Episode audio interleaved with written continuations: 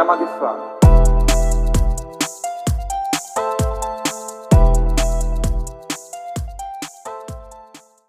ו... שלום, אז ברוכים הבאים לפרק מספר 6 של אה, שידורי המגפה. היום אנחנו נארח את אה, עמית נויפלד, מייסד ועורך אתר תנועת האטה, כותב על אה, אודות פשטות מרצון, מינימליזם, והמנגנונים שמניעים אותנו לעבוד ולצרוך בהילוך מהיר, מפרסם טורי דעה בעיתונים הארץ וכלכליסט, מרצה ועוד המון. מה שלומך, עמית? טוב מאוד, תודה.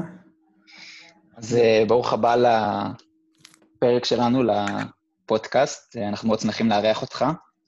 להתארח אצלכם בינתיים. כן.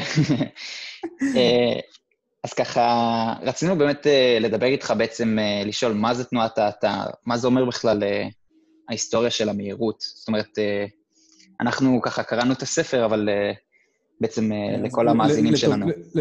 לטובת מי שלא קרא. תראה, אני, אני אגיד את זה בשני אופנים. דבר ראשון, יש כמובן את הדרך הכי קלה לספר על תנועת האתר, שזה איך היא בעצם התחילה, שנת 1986, מקדונלדס עומדת לפתוח את הסניף הראשון שלה באיטליה, ולא סתם באיטליה, אלא בעיר רומא, ולא סתם בעיר רומא, אלא למדרגות, למרגלות המדרגות הספרדיות המפורסמות, והעובדה הזאת הצליחה להוציא מכליהם כמה שפים מקומיים ואנשי קולינריה, וביום פתיחת הסניף הם פשוט הגיעו וזרקו מאפים טריים ופסטה מעשה ידיהם על דלתות הסניף, וככה בעצם יצאה לדרכה תנועת מזון איטי, שהיא בעצם הענף הראשון, הגזע של תנועת ההאטה העולמית, שנת 1986, כשהרעיון של השפים היה בעצם להציל את הטעם מהכחדה. הם נורא רצו שנעצור רגע ונחשוב על מה עובר על המזון שאנחנו אוכלים, מאיפה הוא הגיע, אה, למה, מה, מה בכלל ההגדרה של אוכל טוב וטעים והוגן ו, ושלא מזיק לסביבה ולא מזיק לבעלי החיים וכדומה.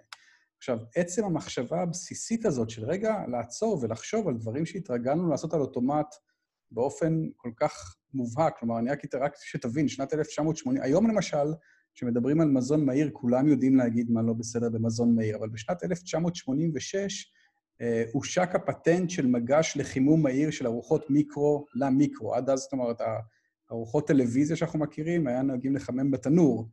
ועד 1986 היה, היית צריך לחכות לאותה טכנולוגיה פרימיטיבית ואיטית, שלוקח איזה עשר דקות, רבע שעה, לחמם את הארוחה שלך לפני שאתה יכול ללכת ולהתיישב מול ערוץ 2. ואני אומר את זה כדי שנבין ש-1986 זה כאילו המזון המהיר הוא עדיין חוד החנית אה, של תעשיית הקולינריה, הקולינריה, וכולם בטוחים שתוך כמה שנים כולנו זורקים גלולה לכוס מים, ובזה אנחנו מסיימים את כל העניין המנג'ס הזה של אה, תזונה. והשפים אומרים, לא, לא, צריך קודם כל לעצור וצריך לחשוב, כי אוכל כן לוקח מקום מאוד חשוב בתרבות שלנו, וזה כן עולם שלם של ערכים ושל קשרים קהילתיים וחברתיים שבנויים סביב האוכל, וקשרים עסקיים של קהילה עם החקלאים המקומיים, המגדלים וכדומה. וכל הרעיונות האלה של slow food הלכו וחלחלו לתחומים אחרים בחיים.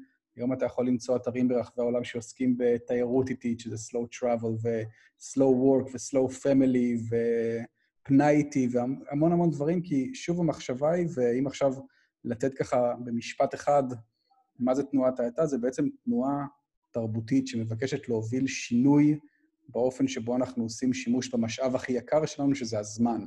והיא רוצה שאנחנו ניצור קשרים טובים יותר עם האוכל שאנחנו אוכלים, עם העבודה שאנחנו מתפרנסים ממנה, עם הקהילה שאנחנו חיים בה, עם העולם. כלומר, יש פה איזו בכלל תפיסה הוליסטית מאוד של חיי אה, אדם זולת עולם, שאנחנו מבינים שהכל כרוך בהכל, זה מאוד מתקשר עכשיו לעניין הקורונה, אנחנו מבינים שהיכולת שה- שלנו להיות מאושרים כפרטים בודדים היא מאוד מאוד קשה. כלומר, זה מאוד תלוי בבריאות ובחוסן של החברה שאנחנו חיים בה. גם מבחינה כלכלית, גם מבחינה בריאותית, גם מבחינת הקשרים הבין-אישיים שאנחנו מנהלים, אבל בואו אני אתן לכם לדבר קצת, כי אני יכול באופן עקרוני לדבר 14 שעות בלי הפסקה על תנועת ההאטה, אז uh, אני אתן לכם לנתב את השיחה, כי אני פשוט, בזרם התודעה שלי עלול להיסחף למקומות שאולי לא תכננו להגיע אליהם. לא, וזה, וזה תענוג. אז בעצם אנחנו, אני, כאילו, אנחנו מבינים שבעצם תנועת האטה התחילה מאיזושהי תגובה למהירות. אז uh, כמו שאתה מתאר בספר, היה בעצם uh, את היווצרות המהירות, שבעצם גם לספר קוראים ההיסטוריה של המהירות, אז מה, מה היה בעצם, איפה אנחנו רואים את, ה, את ההתחלה של מה שאנחנו חווים היום? נכון. תראה, ההיסטוריה של המהירות היא בעצם נובעת מכמה כוחות שהלכו והתגבשו בבת אחת, אבל אני חוזר למאה ה-16, ובעצם לשלב שבו העבודה הפכה לראשונה בהיסטוריה של האנושות לתכלית, לייהוד הולם לחיי האדם. עכשיו, אני רק כזה אתן לכם את תמונת המסגרת, כי מאה אלף שנים עברו מאז שההומו ספיאנס הזדקף ויצא לכבוש את העולם, ועד לפני 500 שנים העבודה מעולם לא נתפסה כתכלית ראויה לחיי האדם. אם אתה מסתכל על כל הפילוסופים הגדולים והדתות המרכזיות, הם תמיד נטו לזלזל בחיי המסחר, הייצור והעבודה היומיומית. אפלטון למשל השאיר את העבודה למעמד השלישי והתחתון במדינה המושלמת שהוא ברא, ואריסטו גרס שעבודה זה משהו שנשים ועבדים צריכים לעשות, והכנסייה הקתולית גרסה שהייעוד היחיד של האדם הוא לעבוד בקודש, כלומר, לשרת בכנסייה, להיות כומר, בישוף, נזיר וכדומה. ופתאום במאה ה-16 קרתה איזושהי מהפכה דתית, שאולי נרחיב עליה בהמשך, שהפכה את העבודה לתכלית. עכשיו, העבודה היא הפכה אותה לתכלית מוסרית, כלומר, הרעיון של מרטין לותר שהוביל את המהפכה הדתית היה שהעולם כולו קדוש. ואם העולם כולו קדוש, אז גם המקצועות כמו נפח, נגר, סנדלר וחייט הם מקצועות קדושים, והעבודה בהם היא כמוה כעבודת אלוהים לכל דבר ועניין, כי אלוהים ברא את המקצועות האלה. אבל הרעיון היה לא להיות נפח וחייט ונגר וסנדלר ממש טוב, כדי שיוכל להרוויח הרבה כסף ולפתוח מלא סניפים אה, ולשלם למלא עובדים שכר מינימום, ואחר כך להנפיק את עצמי בבורסה ולקנות יאכטה של ארבעה מפלסים, אלא הרעיון היה שאני משרת את אלוהים באמצעות השירות שאני מעניק לזולת, תוך כדי מילוי העבודה היומיומית שלי. עכשיו, למה אני חוזר לרעיון העבודה? כי הסיבה שכולנו מרגישים שהחיים עפים מהר מדי, הסיבה המרכזית לכך היא העבודה והמקום שאנחנו נותנים לעבודה והזמן שהעבודה תופסת בחיים שלנו. כלומר, העבודה, או בשם הנוצץ והזוהר שלה יותר קריירה, הפכה למראית הכל. אנחנו מבלים 9 עד 12 שעות אה, בעבודה. אנחנו נוטים לייחס לזה המון חשיבות, אנחנו מציגים את עצמנו באמצעות המקצוע שלי. אתה יודע, השאלה המפורסמת, אז מה אתה עושה בחיים? אני סוכן ביטוח, אני רואה חשבון, אני פרסומאי, אני עיתונאי. כלומר, מהתשובות האלה אנשים מציגים את עצמם, ואנשים ששומעים את התשובה גם מסיקים שלל רחב של אה, מסקנות מתוך המילה או שתיים האלה שמתארות את המקצוע של האדם, למרות שהאדם הוא עולם ומלואו מעבר למשלח ידו. אז יש את העניין של העבודה. עכשיו, שים לב שלצד הרעיון ש... העבודה היא תכלית חיינו, אז במקביל גם התחילה המהפכה התעשייתית, והיום אנחנו חיים בעולם שבו בעצם אנחנו שבויים של העבודה, כי העבודה יכולה לתפוס אותנו בכל מקום. אם לפני כמה מאות שנים אנשים היו מסיימים לעבוד כשהיה מחשיך, כי לא הייתה להם תאורה שהיא לא תאורה טבעית, או לא תאורה מספקת לפחות כדי לעבוד, אז הם היו הולכים הביתה, ואם היה חם מדי אז היו הולכים הביתה, ואם היה קר מדי אז היו הולכים הביתה. היום אנחנו יכולים לעבוד בכל תנאי כמעט. יש לנו את המזגנים ויש לנו את הסמארטפונים ואת הטאבלטים, אנחנו יכולים לעבוד מהמיטה, אנחנו יכולים לעבוד מבית קפה באמצע חופשה באירופה, אנחנו למעשה יכולים לעבוד 24/7, ורבים מאיתנו גם מתפתים לעשות את זה, שוב, מתוך אותה איזושהי תפיסה ורעיון שאני אלחץ עכשיו על דוושת הגז, אני כאילו אעשה מלא כסף, אני אהיה מאוד מצליח, ואז אני ארים את האמברקס ואני אוכל להירגע, זה כמעט אף פעם לא קורה. אתה יכול לראות שגם האנשי העסקים הכי מצליחים במשק מתגאים בזה שהם קמים כל בוקר בחמש, רצים עשרה קילומטרים בחוף הים, בשבע הם כבר במשרד, חוזרים בשמונה בערב הביתה לאכול ארוחה. כלומר, העבודה הפכה לסוג של התמכרות, ובגלל שאנחנו עובדים נורא קשה והמון המון שעות, אנחנו מפספסים המון המון דברים אחרים בחיים. כלומר, גם אדם שמאוד נהנה מהעבודה שלו, צריך לזכור שהיא באה על חשבון הקשרים החברתיים שלו, הקשרים המשפחתיים שלו, היכולת שלו לעסוק בתחביבים, היכולת שלו אה, ליהנות מפנאי, מספורט, מבישול, מהמון המון המון דברים אחרים שלדעתי יכולים לספק סוג של עושר והגשמה לא פחות מהרעיון הזה של עבודה. אה, עוד דבר בהקשר הזה של המהירות, זה שוב כמובן, אה, דיברנו על הטכנולוגיה שהשתלטה על חיינו והעבודה שהשתלטה על חיינו, והמהירות הזאת חדרה בעצם גם לפנאי שלנו. אתה תשים לב שאנשים הרבה מעמיסים על עצמם משימות פנאי, כי אנחנו חיים באיזושהי תחושה שאנחנו צריכים להיות כל הזמן בעשייה, ושהאדם הוא סוג של פרויקט שצריך להשביח בכל עת. אנשים היום... אגב, התוכנית הזאת למשל תשודר בתור פודקאסט, ואני לא מתבייש להגיד לכם שלדעתי פודקאסט זאת יחידת המידע הבזויה ביותר שקיימת היום, מהסיבה הפשוטה שהיא בהגדרה הסחת דעת. יותר מ-70% מהאנשים שמאזינים לפודקאסטים מדווחים שהם עושים את זה תוך כדי שהם עושים משהו אחר. תוך כדי שהם נוהגים, תוך כדי שהם רצים, תוך כדי שהם אה, מבשלים, עושים כביסה, או כל דבר, כלומר, רק לא להישאר לבד עם עצמנו ועם המחשבות שלנו, חס וחלילה, כי זה יכול להיות משעמם הרי, נכון?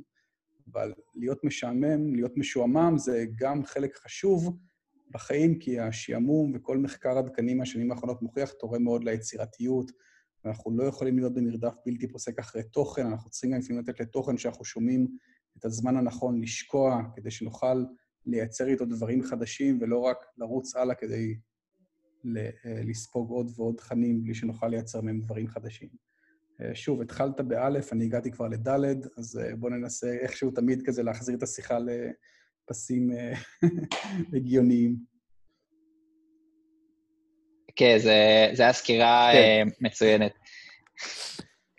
אני אשמח לדעת, זאת אומרת, נגעת קצת בטכנולוגיה, אה, רובנו, אה, רוב העולם המערבי היום עבר אה, בלית ברירה לחיות בעולם וירטואלי. זאת אומרת, הדרך היחידה שלי לתקשר עם, עם העולם החברתי שלי, עם, ה, עם העולם שמחוץ לבית הפרטי שלי, הוא דרך הטכנולוגיה, ועברנו לחיות בסוג של עולם וירטואלי. ומאז שעברתי למין עולם וירטואלי, אני מרגיש שאני דווקא פחות נינוח, אני פחות... שלו, אני יותר אה, מחובר אה, לוואטסאפ או לוויינט, לכל מיני אמצעי תקשורת שונים. אה, איך אתה חושב שאפשר לעשות את זה בצורה, לעבור את הקורונה בצורה, בצורת האטה, בצורה שאתה חושב שהיא... אגב, אני, שמח, אני שמחתי שהכנסת את המילה קורונה בסוף השאלה, כי צריך לענות על זה בכמה דרכים, כן? דבר ראשון, אם מישהו ישמע את השיחה עוד בעוד שנה, אז לא בטוח שיבינו מה אנחנו מדברים. אנחנו כרגע נמצאים באיזשהו בית מצב של אה, מגפה, שכולנו בהסגר ויושבים בבתים ומחוברים למסכים, וזה באמת הדרך היחידה שיש לתקשר. ואגב, אני מברך על זה. אני חלילה לא נגד טכנולוגיה בשום צורה. נכון שאני late adopter ויש לי סמארטפון בן שמונה שנים, תכף הוא חוגג, ואני מדבר עכשיו איתכם מהמחשב של אה, נועה אשתי, כי על המחשב שלי אין לי זום, אין, אין לי מושג איך להתחבר לדברים האלה אפילו. אה, אבל כן נורא חשוב למסגר את זה ולהגיד שאנחנו עכשיו כולנו מתקשרים בעולם הווירטואלי כי אין לנו דרך אחרת. כלומר, אנחנו מחויבים לתקשר דרך העולם הווירטואלי, וטוב מאוד שיש אותו כדי שנוכל לתקשר, כי זה מאוד מאוד עוזר. אני חושב כאילו על, ה... על אבא שלי, שהוא אדם מבוגר, אם לא היה לי את היכולת לדבר איתו באמצעות הטכנולוגיה, זה היה מאוד קשה. זאת אומרת, זה לא רק אבא שלי, זה ההורים של כולנו והסבים והסבתות של כולנו, אז תודה לאל שיש את הטכנולוגיה הזאת. לא הייתי רוצה לחיות בשפעת הספרדית, שכולם מסוגרים בבתים שלהם וצריכים לשלוח מכתבים עם רץ, שמת בדרך כאילו המכתב, כי הוא נדבק מהמעטפה בנגיף וכדומה. אז זה דבר ראשון טוב. ואני גם צופה שתהיה איזושהי תגובת נגד, שברגע שההסגר יוסר והקורונה תעבור, אנחנו נראה איך פתאום אנשים, גם אנשים הכי לא משפחתיים והכי מיזנטרופים ירוצו ויתחבקו עם אנשים ברחובות ועם כל מה שהם מכירים, וימלאו שוב את הבתי קפה והמסעדות והברים, ורק ירצו להיות כל הזמן במגע, כי יש משהו באנושיות שלנו, שזה גם אולי אני מדקלם את עצמי מהספר, אבל יש משהו באנושיות שדורש חיכוך. אנחנו צריכים את המגע הבלתי אמצעי הזה, אנחנו צריכים להיות עם אנשים אחרים, אנחנו צריכים לדבר, אנחנו צריכים לשמוע את הקול. אני למשל מאוד אוהב שיחות טלפון.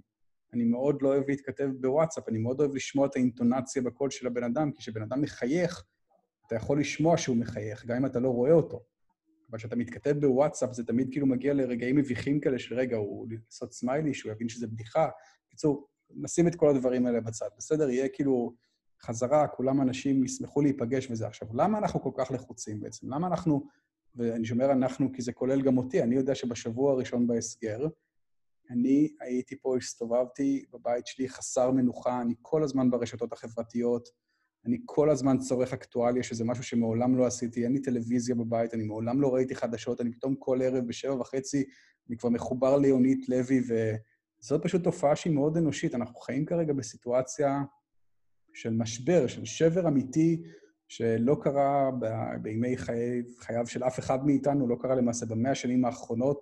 מטבע הדברים, סיטואציה של חרדה מעוררת בנו את הצורך הבלתי פוסק באינפורמציה. אה, ואנחנו כל הזמן מחפשים לדעת מה קורה בעולם, ואנחנו כל הזמן רוצים לדעת האם העקומה כבר השתתחה, והאם הגיעו מטושים, והאם המוסד הצליח למצוא אה, אה, מכונות החייאה, והמון המון דברים שמאוד מעסיקים אותנו, ואנחנו כל, נתלים בכל בדל של דבר. כמובן שגם הומור מאוד עוזר, אני מניח שגם הוואטסאפ שלכם מפוצץ בסרטונים ובדיחות על ההסגר וכל זה, והומור זה דרך נפלאה להתמודד, ואנחנו צורכים את זה כי זה באמת עוזר לנו לפרוק המון מתחים שקיימים כרגע. אה, אני צופה שככל שהסגר יימשך, ואנחנו כבר מדברים על זה שאולי זה יהיה חודשיים, שלושה, ושלא יהיה לימודים עד ספטמבר, הסגר הזה והחרדה הזאת תהפוך לאיזושהי שגרה. ואחד הדברים היפים בבני אדם זה שאנחנו יצורים מאוד מאוד סטגלנ... סטגלנתיים, כלומר, אנחנו מסתגלים מאוד מאוד מהר לסיטואציה, אז בעוד שבוע, שבועיים, אנחנו כבר נהיה הרבה יותר רגועים והרבה יותר נינוחים, ואנחנו לא נרוץ לרשת החברתית ואנחנו לא נפתח כל הודעת וואטסאפ ברגע שהיא נפתחת ואנחנו נוותר על החדשות, על החדשות, אולי נראה בסופי שבוע כדי להתעדכן מה קורה בעולם ונחזור לקרוא ספרים. אני אמרתי לכם מקודם בשיחת הכנה, אני חבר בכמה קבוצות קריאה, והיה שם הרבה כאילו אדמינים שאלו, תגידו את האמת, אתם קוראים עכשיו יותר או פחות? ויותר מחצי מהאנשים שם אומרים, אנחנו קוראים הרבה פחות, אנחנו לא מסוגלים להתרכז. יש עכשיו בעיה כלל עולמית של חוסר יכולת להתרכז, כי אנחנו באמת במרדף בלתי פוסק אחרי כל בדל של מידע, בין אם זה מידע רע ובין אם זה מידע מעורר תקווה. אנחנו לא רגועים, אני מצפה שזה יירגע, וכשזה יירגע, אה, יש המון המון דברים והמון דרכים אה, להתמודד עם האופן הזה שבו הטכנולוגיה משתלטת. שוב, אני הזכרתי שאני עם אה, סמארטפון בן שמונה, שזה פחות או יותר הופך אותו לדאמפון, כלומר לטלפון טיפש. יש לי בו וואטסאפ ויש לי בו שיחות, ומעבר לזה אין לי שום אפליקציה על הנייד, שזה תמיד הדבר הראשון שאני אומר לאנשים, אגב, אפרופו המהירות, אנשים אומרים לי, אין לי זמן, אין לי זמן, אני לא מספיק לעשות כלום. אני אומר, כמה רשתות חברתיות אתם מחוברים? אומרים, מה, בסך הכל לאינסטגרם, לטוויטר, לפייסבוק, ואני אומר, אוקיי, דבר ראשון, תמחקו שלוש רשתות חברתיות מהטלפון שלכם, תראו שכבר התפנו לכם שעתיים, שלוש מהחיים כל יום. אה, תבחרו את הרשת שבה אתם הכי פעילים, והחברים שלכם הכי פעילים, ותתמידו בה. לבטל נוטיפיקציות. תבינו, יש בה... הטכנולוגיה בנויה גם ברגעים שאנחנו לא במשבר כלל עולמי, הטכנולוגיה בנויה על כל מיני מנגנונים אנושיים, למשל, כל פעם שאנחנו שומעים צליל של התראה בנייד שלנו, המוח שלנו מפריש קורטיזול. קורטיזול זה הורמון מעורר חרדה, כלומר, יכול מאוד להיות שההודעה הזאת עכשיו זה שקרה משהו נורא למישהו שאנחנו מכירים, ובגלל זה אנחנו נשלח את היד על אוטומט לטלפון הנייד, ואנחנו נפתח את ההודעה הזאת, גם אם אנחנו נוהגים עכשיו על 130 בכביש מהיר, בידיעה ברורה שאנחנו מסכנים את החיים שלנו, כי אנחנו בעצם באיזשהו סוג של חרדה. אז אנחנו צריכים להבין, ואני גם מתעסק בזה גם בספר וגם בבלוג הרבה, בכל המנגנונים המאוד מאוד מורכבים וסופר מתוחכמים, שאנשים בעצם שעומדים מאחורי האפליקציות ומאחורי הרשתות החברתיות משתמשים בהם כדי לכבול אותנו, כדי לשאוב אותנו לשימוש מוגבר. וברגע שאנחנו מכירים את המנגנונים האלה, אנחנו יכולים להתחיל לאט-לאט להתנתק מהם.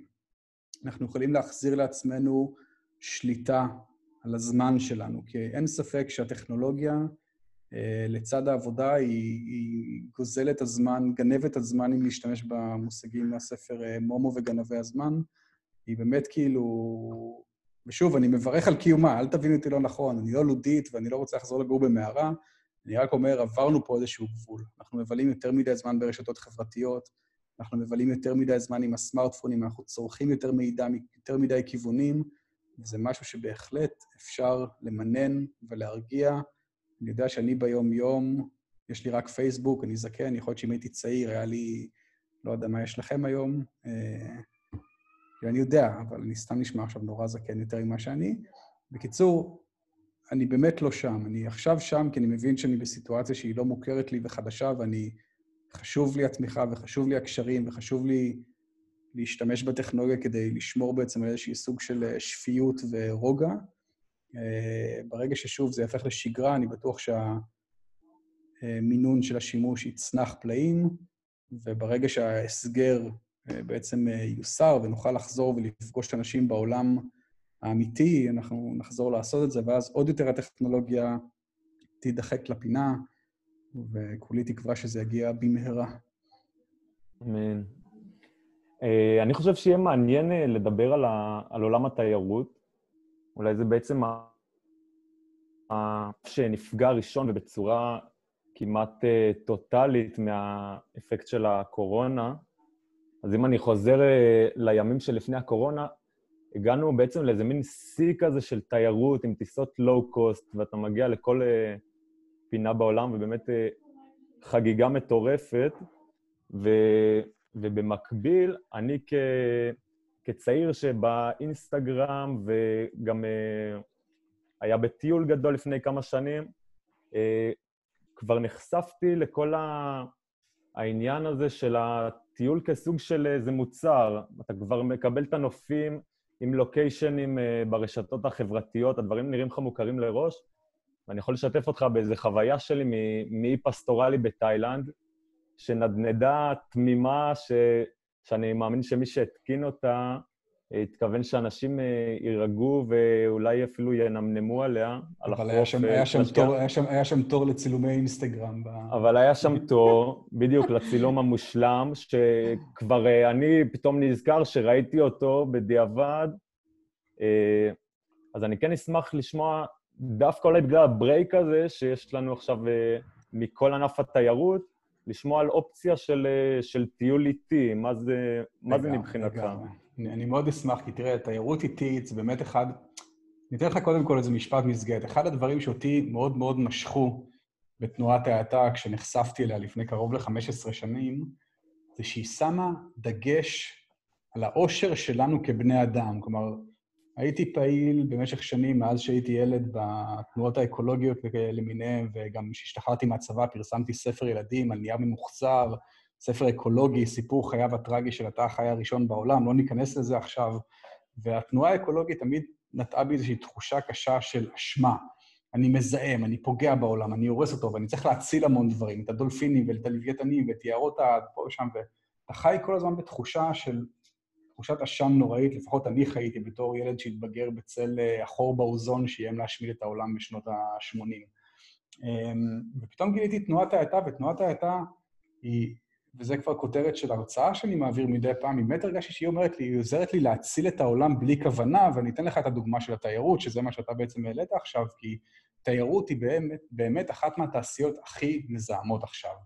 אה, מטוסים, רכבים שכורים, הריזורטים היוקרתיים, ההפיכה של כל פינה היסטורית ופיסת טבע פראי לאיזושהי אטרקציה תיירותית שמרגישה אותו דבר, ועטופה באותה נייר צלופן עם אותם דוכני מזכרות ואותם דוכנים של מזון שמגיש אוכל שגורם למילה מהיר להישמע כמו מחמאה בצרפתית, ובאמת, זה נורא ואיום, ועדיין תנועת ההאטה לא באה ואומרת, חייבים להציל את העולם, תעשיית התיירות מאוד מזהמת, היא אומרת, חייבים להציל את רעיון החופשה, כי למה אנחנו בעצם יוצאים לחופשה? אנחנו יוצאים לחופשה משתי סיבות. אחת, כדי להירגע, למלא מצברים, לנוח, והשנייה זה לצבור חוויות משמעותיות. עכשיו, הסיבה הראשונה לנוח באמת כאילו כבר כמעט לא קורית, באמת אנחנו רובנו נוסעים לחופשות שלנו ואנחנו מבלים אותם בדילוגים אינסופיים מאטרקציה תיירותית אחת לשנייה, ואנחנו במרוץ בלתי פוסק להספיק כמה שיותר, שזה הדיבר הראשון של החיים בעולם המודרני, ואנחנו בין לבין עושים שופינג וקניות, ואנחנו חוזרים למלון אחר כך הרוגים, ואנחנו חוזרים אחרי שבוע, עשרה ימים, אה, לארץ, גמורים, מרוששים, מותשים, חולמים על שלושה ימים בסיני רק כדי להירגע מהחופשה. אבל הבעיה היותר חמורה היא באמת הרעיון הזה של החוויה, כי מי שהולך ובודק את המשמעות של המילה חוויה, אז לפי האקדמיה ללשון, חוויה זאת התנסות שמותירה רוט, אה, רושם עז על האדם. ולחוות חוויות זה אומר להתנסות או לקחת חלק במשהו מסוים. ואז אתה באמת חושב על האופן שבו רוב העולם מבלה את החופשות שלנו. אנחנו נוחתים באיזושהי עיר גדולה, ואז אנחנו רצים כאילו לכל ה... סתם, אני אתן לכם דוגמה, הייתי באוגוסט האחרון באיטליה, נסענו להשתטח על קברי מתים, והיינו כמה ימים ברומא, וטיילתי עם נועה ברומא, אנחנו משלטים לנו, והגענו לפונטנה די טרווי, המזרקה המפורסמת שנמצאת בלב רומא, וכראוי ליצירת מופת, באמת, זו מזרקה שלקח, אם אני לא טועה, 30 או 40 שנה לסטט אותה, והיא מוקפת 24 שעות ביממה במאות תיירים, וכל התיירים האלה עסוקים בדבר אחד, בדיוק כמו שאמרת מקודם עם הנדנדה, הם באים, הם מצטלמים על רקע המזרקה, או שהם עומדים והם זורקים את המטבע כזה, שהם עומדים אחורה כי זה מבטיח שתחזור לרומא, ואלה שלא עומדים בתור קונים גלידה, ואז הם, יש שם שתי גלידריות ליד שמתמחות בגלידה לאינסטגרם, שלושה כדורים כאלה יפים, גישות, ואוגוסט, חום של 35 מעלות, אנשים עומדים עם הגלידה שלהם ומחפשים את הצילום המושלם, והגלידה נמסה,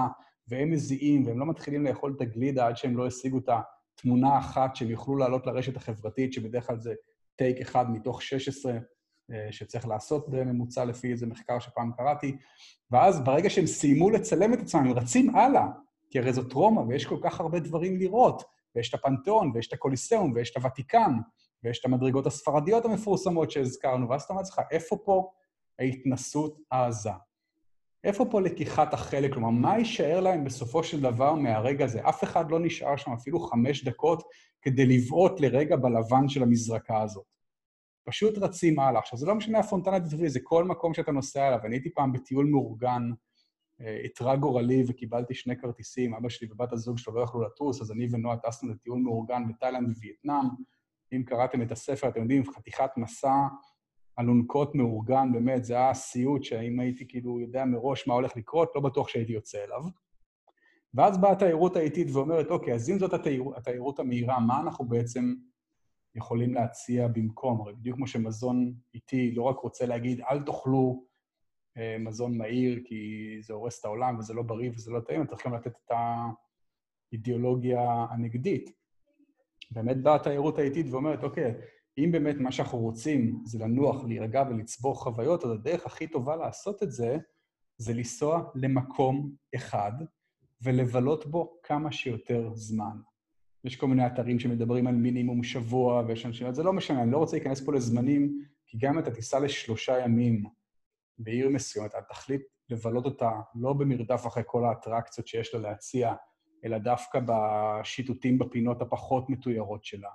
ובאמת כאילו לשאול מקומיים, ואני לא מדבר איתך על מקומיים שהם אנשים שמזכירים לך את הדירת B&B, או, או בטח ובטח שלא אה, במלון, שכולם הרי עובדים עם אותם מקומות, פרטנרים כאלה, או אחוזים שהם לשלוח עליהם את התיירים. אז באמת לדבר עם מקומיים, אם אתה משכיר מהם דירה, אם אתה עושה couch surfing, או לפני, לדבר עם חברים שגרים שם, לאן כדאי ללכת כדי לחוות את המקום הזה עד כמה שאפשר בתור מקומי. ולא בתור תייר מזדמן שמנסה להספיק כמה שיותר, אלא בתור אורח לרגע שרוצה לתת כבד לתרבות המקומית ולאוכל המקומי האמיתי, ולא מה שמוגש בכל המסעדות של מלכודות התיירים.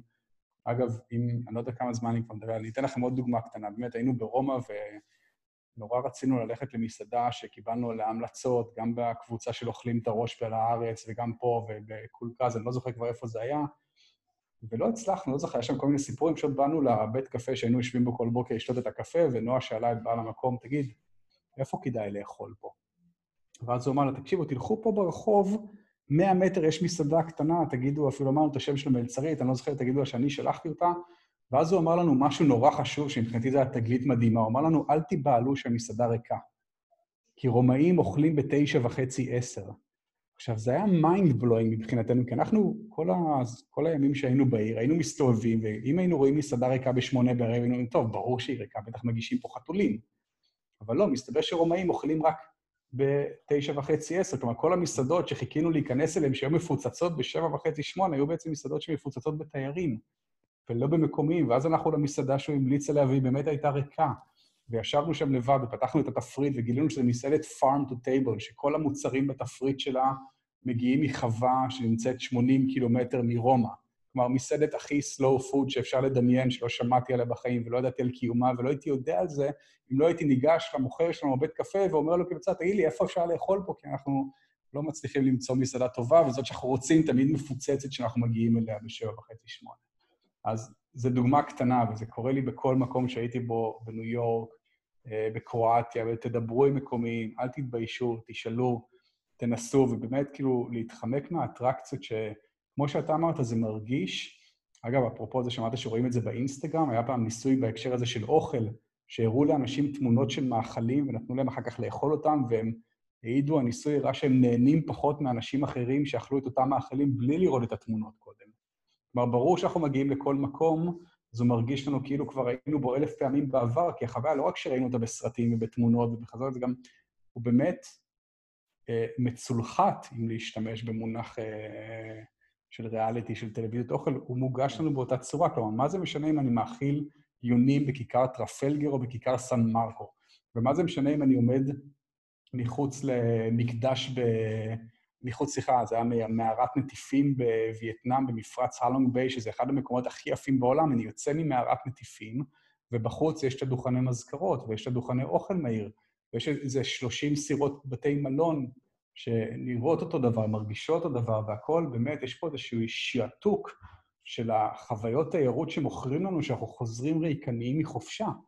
ואנחנו לא מבינים למה זה לא עובד, ואנחנו רוצים עוד חופשה ועוד חופשה, כשאם אנחנו יוצאים ואני ונועה למשל בילינו את הירח דבש שלנו שלושה שבועות בקרואטיה, מתוכם שבועיים עלי אחד קטן בלי לזוז, וזה היה מדהים. ואנשים שאלו אותנו, מה, אתם נוסעים רק לקרואטיה שלושה שבועות, תקפצו כבר לסלובניה או למונטנגרו, תיקחו מעבורת לוונציה. לא, היינו שלושה שבועות כמעט באותו מקום, כאילו שבוע בעיר ועוד שבועיים באי, וזה היה מדהים, והיה לנו שם חוויות שלא היו יכולות להיות, והשגרה, וזה נורא נורא חשוב להגיד, אני קורא לזה אטרקציה של היום-יום, כי אם למישהו מהאנשים שאנחנו, ששומעים אותנו עכשיו אומר, לא, זה נשמע נורא משעמם, מה, לא לעשות כלום שאני בחו"ל, אז בחו"ל, הכלום, כלומר, השגרה של היום-יום בחו"ל, כשאתה קם והולך רגע למכולת וקונה משהו לארוחת בוקר, ואז הולך למאפייה וקונה רבע כיכר לחם, ואז יושב בבית קפה, זאת האטרקציה, כי הכל כל כך חדש, הכל כל כך לא מוכר, וכדי לתת לחוויה הזאת לשקוע בתוכנו, אנחנו צריכים שזה כמו טיפה של מים על סלע, אנחנו צריכים לתת לה זמן ולחזור על אותן פעולות גם בחו"ל. טוב, יאללה, אני חופר, תעצרו. אז בעצם, אם אני אנסה בערך לסכם את זה לכדי כמה טיפים אה, טובים, באמת אתה רוצה, אתה רוצה באמת אה, לשמור על איזושהי טריות כזאת, גם אה, state of mind יותר ספונטני, גם הרדיוס בסופו של דבר, לא למתוח אותו אה, למאות קילומטרים, בדיוק. וגם לא, לחדד לא חושים. לבזבז זמן, חבל לבזבז זמן כן. ולקפוץ ממקום למקום, שאתה יכול פשוט ליהנות במקום שכנראה יהיה טוב באותה מידה כמו המקום הבא שתכננת להגיע אליו. כן, ולחדד את החושים, אה, וללמוד לזהות את מה שכבר אה, עטוף אה, מראש מו- מוצר אה, מוגמר כזה. בדיוק, להתרחק מהאטרקציות. שוטטות למשל, אחת הפעולות שאני הכי נהנה לעשות בחו"ל, וזה לא משנה אם אני באי או בעיר גדולה, פשוט לשוטט, וכל פעם שאתם מגיעים את, כאילו, לאזורים המתוירים יותר, אז לקחת ימינה או שמאלה, אבל כאילו ללכת מסביב לאטרקציות, ואז מגלים באמת את העיר האמיתית, ואז גם, אתה יודע, אז יש פה גם משהו שנותן יותר כבוד למקום ולעיר. אני יודע, בברצלונה למשל, לפני שהתחילה הקורונה, כבר היה שם ממש כאילו מהומות של תושבים שיצאו כנגד האופן שבו העיר שלהם נרמסת על ידי תיירים, וזה שוב, כי העיר הזאת הפכה לאטרקציה, וכולם באים לאותם מקומות ולאותם רחובות ומשאירים מאחוריהם חורבן, וכל העיר הופכת לדירות B&B, כי התיירים רוצים להגיע בדיוק לשם, ואף אחד לא רוצה לגור בשכונות היותר רחוקות, או ברבעים היותר רחוקים של פריז לצורך העניין, אז כן, לתת כבוד למקום ולהבין שזה לא... אנחנו לא יכולים להפוך את העולם לאיזה לונה פארק כזה, שאנחנו פשוט באים, עולים על המתקנים שנראים לנו הכי מגניבים, כי זה מה שכולם רוצים לעשות. צריך לתת כבוד בדיוק. פתאום- לקהילתיות ולמסורות אני- של ה... אמ, לי יש... עכשיו אה, את כל, ה... את כל הכפרים האלה שאולי חוו תיירות אינטנסיבית בטירוף בשנים האחרונות, פתאום יש להם, אה, הם לצערי הם תחת אה, המגפה, אבל יש להם אולי איזה חזרה ל... לאיזה משהו מקומי אמיתי, לקהילה שלהם, אה, יצאו מהצונאמי התיירותי. הכפרים בהקשר עכשיו של המגפה. סליחה, אני יכול להיות שלא שמעתי את ההתחלה של המשפט. כן, כל מיני כפרים ועיירות תיירותיות בחו"ל, שפתאום אה, שטף התיירים אה, הפסיק. כן, אני מקווה שהן אני מקווה שהן שורדות את זה, כי תבין, ברגע שכאילו באמת אתה לוקח כפר אותנטי, כמו בסאפה בווייטנאם, אתה לוקח כפר אותנטי ואתה הופך אותו לאיזשהו מסלול במסגרת של אה, קבוצות של תיירים, אז הוא בעצם, אתה עוקר גם את היכולת שלו אולי לשמור על המסורת ועל הכלים שלו להתפרנס וזה. יכול להיות שיש עכשיו כפרים כביכול אותנטיים שמתמוטטים, כי הם כבר היו תלויים בתיירות באיזשהו מקום. עמית? כן. אני יכול לשאול אה, שאלה, זאת אומרת, אם אני עכשיו עושה איזה מין הדמיה כזאת של אה, צופה שהוא פעם ראשונה, אה, מאזין, יותר נכון להגיד, שהוא פעם ראשונה נחשף לתנועת האטה בשיחה הזאת שעכשיו עשינו, כן. ולבן אדם הקלאסי שחי בתוך העולם הזה, שהוא מהיר, אבל הוא גם מצד שני רגיל אליו, הוא אולי עולה הסוטי- הסיטואציה שלי עלתה פעם ראשונה בראש, במה שנקרא שהנחתי את הספר וסיימתי אותו, אבל רגע, אולי זה לא בעצם, אולי זה לא אה, אה, דרך חיים של עצלנים, איך אני לא אהיה בעצם עצלן, אה, או אני עכשיו עושה טיול, אה, לימודים, עבודה, ומחר הבוס שלי יהיה נודניק, אז איך, זאת אומרת, איך חיים בתוך אה, העולם הזה של תנועת האטה, בתוך העולם המהיר, בלי עכשיו אה, בעצם לגור באיזה כפר מרוחק ולהיות אה, מנותקים מהעולם? או, או, או, רגע, בוא, בוא, בוא נעצור מהר, מהר, לפני שאנשים יתבלבלו. Uh, הדבר האחרון שתנועת הייתה רוצה זה לפרוש לכפרים, אני חושב שהעתיד הוא בערים, גם מבחינה אקולוגית, גם מבחינה חברתית, גם מבחינה קהילתית. אני בטח ובטח שלא מטיף לאנשים אה, אה, לעבור לטבע וכדומה. וגם, תנועת ההאטה, אין לה שום דבר נגד עבודה. אני לא אוחז בשום תיאוריה של פרישה מוקדמת, ואני לא מלמד אנשים איך להתעשר עד גיל 30 כדי שיוכלו לפרוש או לחיות מנכסים מניבים. אני באופן אישי עובד בעבודה משרדית חמישה ימים בשבוע, מ-9 עד 4. תנועת ההאטה כן רוצה להפוך אותנו, דבר ראשון, לעובדים יותר יעילים. כלומר, אנחנו לא מתביישים במילה הזאת יעילות, כי אני חושב שאם אני אהיה עובד יותר יעיל, אני אוכל לפנות לעצמי יותר זמן לעיסוקים אחרים. וב' לעובדים יותר שמחים ומאושרים, כי אנחנו מבינים שהעבודה שלנו זה לא רק דרך להתקדם לעבר איזשהו יעד לא ברור של קריירה של עוד כסף ועוד משכורת ועוד סמלי סטטוס ורכבים יותר uh, מפוארים ודירה יותר גדולה ושעונים יותר יקרים, אלא העבודה היא בעצם עוד רובד שבו אנחנו uh, מאפשרים לעצמנו להיות יצירתיים, שבו אנחנו מאפשרים לעצמנו ליצור קשרים עם עוד אנשים, עם קולגות. זה באמת כאילו מקום שבו אנחנו יכולים לאתגר את עצמנו ולהוציא מאיתנו את הטוב שבנו, וזה באמת כאילו עוד רובד שבו אנחנו יכולים לבחור כל יום אם להיות אנשים יותר טובים או פחות טובים, אבל שימו לב שמה שאני חוזר עליו בכל משפט פה זה שזה עוד רובד. כלומר, אנחנו לא יכולים להמשיך לתת לעבודה להשתלט על החיים שלנו, כי גם אנשים שמאוד אוהבים את העבודה שלהם וחשים סיפוק וחושבים שהעבודה שלהם זה באמת ייעוד ותכלית, ויכול להיות שהם גם מצילים חיים או עוזרים למשפחות בתור עובדים סוציאליים, תמיד צריך לזכור שהעבודה הזאת באה על חשבון המון המון דברים אחרים. אנחנו התרגלנו שהעבודה היא הדרך היחידה, כמעט בלעדית, למימוש עצמי ולתחושה של הגשמה וסיפוק, ויש עוד כל כך הרבה דרכים ואופנים. אנחנו באמת אנשים מאוד מאוד מורכבים. אה, תנועת ההאטה, הגם שגם בספר וגם תנועת ההאטה בגדול, כן מעודדת בטלה, אבל הכל פה זה מינונים. אני כותב אה, בשבח הבטלה, כי אני מבין שאנחנו חיים בעולם שרואה בבטלה כבר באמת סוג של חטא, כאילו אנחנו עדיין בימי הביניים. בטלה היא לא חטא, אנחנו זקוקים לה באותה מידה שאנחנו זקוקים לפעלתנות ולעשייה. אה, לא רוצה להגיד כמו יינג ויאנג, כי אני לא רוצה להישמע פה פתאום איזה רוחניקי יותר מדי, אבל הכל זה שאלה של מינונים. אני לא נגד עבודה, אני רוצה לעבוד. אני חושב שעבודה היא חלק חשוב מהחיים שלי. אה, אני בוודאי לא נגד בטלה, אני רוצה להתבטל, אבל אני לא רוצה להיות בטלן שלא עושה שום דבר בחייו. זה בסדר גמור להתעצל. יש משפט שאני מאוד אוהב, הוא לא שלי כמובן, לא זוכר מי ציטוט של אה, אה, עצלות אינה אלא הנוהג לנוח לפני שמתעייפים.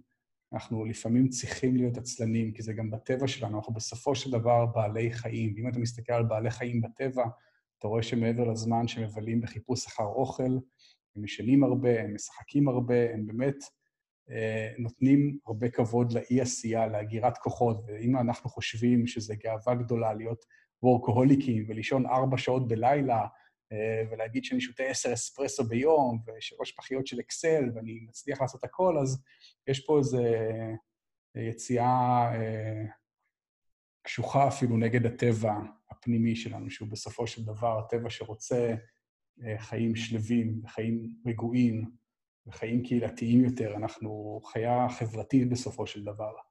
וכולנו מתכנסים בבתים שלנו, עם הטלוויזיות שלנו, עם השליחי וולט שלנו, ואנחנו לא עושים מספיק דברים ביחד, ואנחנו לא יוצאים מספיק מהבתים, וזה מפקיר בעצם את הרחובות, ואני עוד פעם אתחיל לזרום פה לאלף דברים אחרים, אבל אני כן רוצה שמי ששומע אה, את זה בהקשר של משפט שאתה אמרת, אם זה יהיה... תנועת ההאטה זה בפירוש לא חיים של בטלה, זה בפירוש לא חיים של עצלנות, וזה לא אמור למנוע מכם לעבוד ולהצליח בעבודה שלכם ולהרוויח טוב. סביר להניח שאם אתם תאמצו רעיונות ועקרונות של עבודה איטית, אתם אפילו תהפכו את עצמכם לעובדים יותר טובים ויותר חשובים לארגון, אבל בסופו של דבר, שתהיה לכם את הבחירה האם להישאר עוד שעות בעבודה, או לצאת יותר מוקדם כדי להירשם לאיזשהו קורס שתמיד עניין אתכם ללמוד, בין אם זה נגרות או פילוסופיה או מה שזה לא יהיה, או אתם רוצים לצאת... אה, מוקדם יותר כדי לבלות זמן עם הילדים שלכם, או עם האחיינים שלכם, או מה שזה לא יהיה, אז צריך לדעת לתת כבוד לפעילויות האלה, שהן לא עבודה. ואנחנו צריכים ליצור פה איזושהי תרבות פנאי שלא כרוכה בצריכה, ותרבות שלמה של ערכים שהם לא רק הישגיות והצלחה ועשייה ופעלתנות. כי האדם הוא, שוב, הוא הרבה יותר מהסט הזה של הערכים. אני מקווה שאני מצליח קצת לענות על השאלה שלך ולהפיג את החששות של האנשים שאומרים, כן, נשמע לי טוב תנועת ההאטה הזאת, אבל ממה אני אחיה? ברור, זה בול עונה על השאלה, וזה בול... אה, אני, אני חושב שזה נותן את התחושת ביטחון הזאת, שזה לא איזושהי תנועה שבאה ואומרת, אה, stop מה שעשית עד עכשיו, אלא יותר אה, תוספת מרגיעה כזאת. זאת אומרת, לא... ממש אם, לא, ממש לא. אם רוצים ללמד... עוד... סליחה שאני קוטע אותך, אני נורא חשוב להגיד עוד דבר, בגלל שהזכרתם קודם את הספר, אני לא זוכר אם יש איזה הערת אזהרה בספר, אבל הספר רץ בעצם אל כל הרעיונות של תנועת ההאטה. וזה רעיונות שאני חוויתי והתנסיתי בהם לאורך עשר שנים, ונורא פחדתי שאנשים יקראו את זה ויסיימו את זה ויגידו, oh my God, מה אני אמור לעשות עכשיו? כאילו, אני אמור לשנות את כל החיים שלי. לא, כאילו, זה באמת, יש שם איזה מקום שאני כותב, זה כמו לונה פארק, תחליטו אתם מה מתאים לכם. יש אנשים שמאוד מתחברים לרעיונות של תיירות איטית, אבל מתים על מקדונלדס לצערי. ויש אנשים שהם קרייריסטים, אבל עדיין את החופשות שלהם, הם עושים בטן גב בלי לזוז, הולכים כאילו למקומות הכי איזוטריים וכדומה. אז זה באמת כאילו כל אחד יכול לבחור מה שהוא רוצה מהתנועה הזאת, ולהתחיל אה, ליישם אותו בחיים שלו, והוא יראה שבאמת כל רעיון שאתה עושה, אין פה ויתורים. אתה לא מוותר על שום דבר, אתה רק זוכה ביותר ויותר דברים. רק תהפוך אותך כנראה אדם יותר מאושר ויותר שלם ויותר שמח ויותר רגוע. אמ, אז גם לא להיבהל, לא להילחץ. היה לי אשכרה מישהו שפגש אותי אחרי הספר, כי הוא קרא את הספר, אמר, בוא ניפגש, ואני נפגש עם כל מי שרוצה להיפגש, ונפגשנו, הוא אומר לי, תקשיב, סיימתי את הספר, וישר כאילו לקחתי פנקס ועשיתי רשימה של מלא דברים שאני רוצה לעשות כדי להאט, ואז תפסתי עצמי, אמרתי, רגע, אני, זה, זה דפום, ואמרתי, זה בדיוק זה. אתה סיימת את הספר, קודם כל תניח אותו ואל תעשה כלום. תן לעצמך את היכולת הזאת להבין שגם יש בספר, בתנועת הייתה הרבה רעיונות שאתה אוהב ורוצה ליישם, אז רגע, לאט.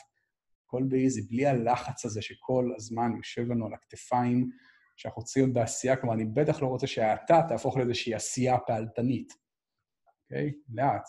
תקראו קצת על התנועה, הבלוג, כל התכנים, רוב התכנים שיש בספר פורסמו גם בבלוג לאורך uh, עוד מעט עשר שנים שהוא פועל.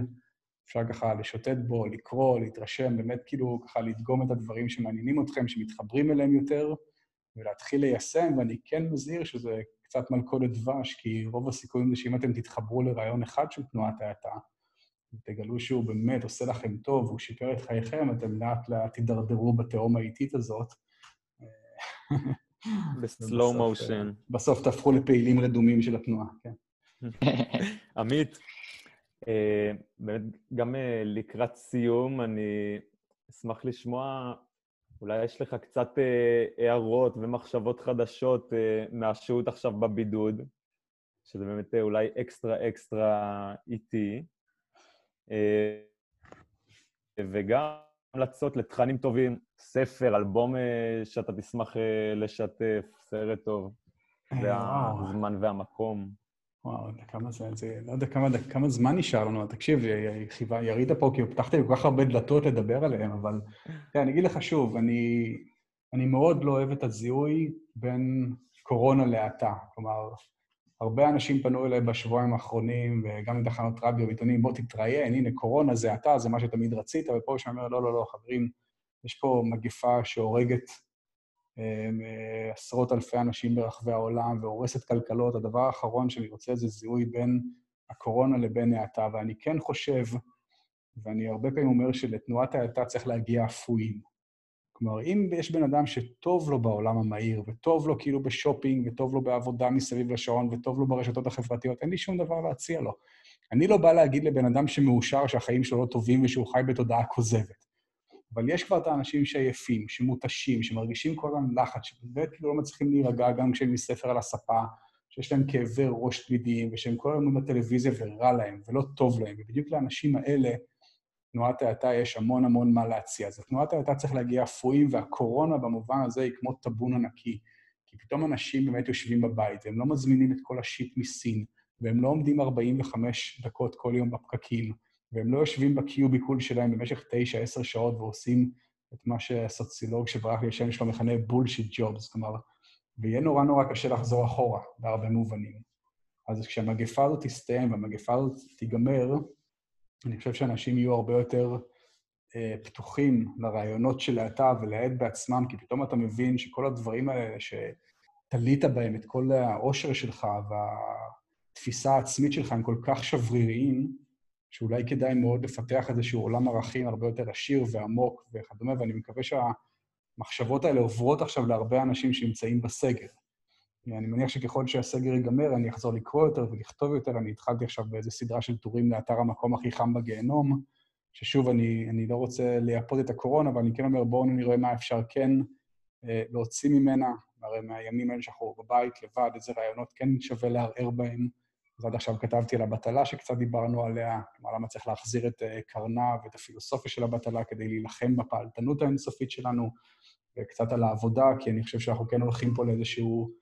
קורונה מאיצה תהליכים, אני חושב שכולם מכירים את הרעיון של אבטלה טכנולוגית שמאיים על העולם כבר שנים, וכולם מפחידים אותנו שתכף הרובוטים יבואו ויקחו לנו את העבודה, אז הנה, כרגע בא איזה נגיפים קטנים ומטופשים שלקחו לכולנו את העבודות, וזה מאיץ איזה שהם תהליכים ומחשבות על עולם פוסט-עבודה, של איך הוא ייראה. אה, ולגבי תכנים, וואו, איזה תכנים טובים ראיתי לאחרונה, האמת היא שלא ראיתי שום דבר. אה, יש לי המון המלצות על ספרים שקשורים להאטה שהם לא הספר שלי, למשל אומת המזון המהיר, אמ, שהוא ספר נהדר לקרוא בבידוד. ולא, תפסת אותי לא מוכן האמת לשאלה הזאת. שמעתי שיש סדרה מעולה בנטפליקס, טייגר משהו. נראה לי שאני אחפש אותה ואני אראה אותה היום בלילה. אה, טוב, מצוין, זה היה שיחה באמת אה, אני חושב שהיא נתנה אה, טעימה קטנה גדולה באמת לתנועה הזאת ולאורח חיים ולספר. אני אסכם ואגיד שאני ממליץ אה, לכולם אה, לרכוש את הספר ולקרוא, כי כמה, אם למישהו הפודקאסט הזה פתח טיפה את התיאבון, אז באמת אה, הספר נותן את המענה, אז... אה, כן, ועוד לפני שקונים את הספר, אפשר להיכנס פשוט לאתר slow.org.il, ולקרוא שם ולראות אם זה באמת תכנים שמתחברים אליהם, כי שוב, אני אומר, סלואו זה לא דת, ואני לא באתי להטיף ולא באתי לקרוא אתכם מהחיים המאושרים שלכם ולגלות לכם את האור. אם טוב לכם, הכל סבבה. אם אתם חושבים שיש משהו שהיה יכול להשתפר, אז תקראו בבלוג, ויכול להיות שבהמשך את הספר, ובאמת אני חושב שזה יכול לתרום ורק להועיל ולא להזיק לאף אחד. וזהו, זה... תודה רבה. תודה רבה. תודה לכם, היה מאוד כיף. ממש תודה רבה. לדבר את עצמי לדעת. שיהיה לכם אה, חג שמח ושבוע טוב, ותשמרו על עצמכם ותהיו בריאים. גם לך. יאללה, ביי ביי.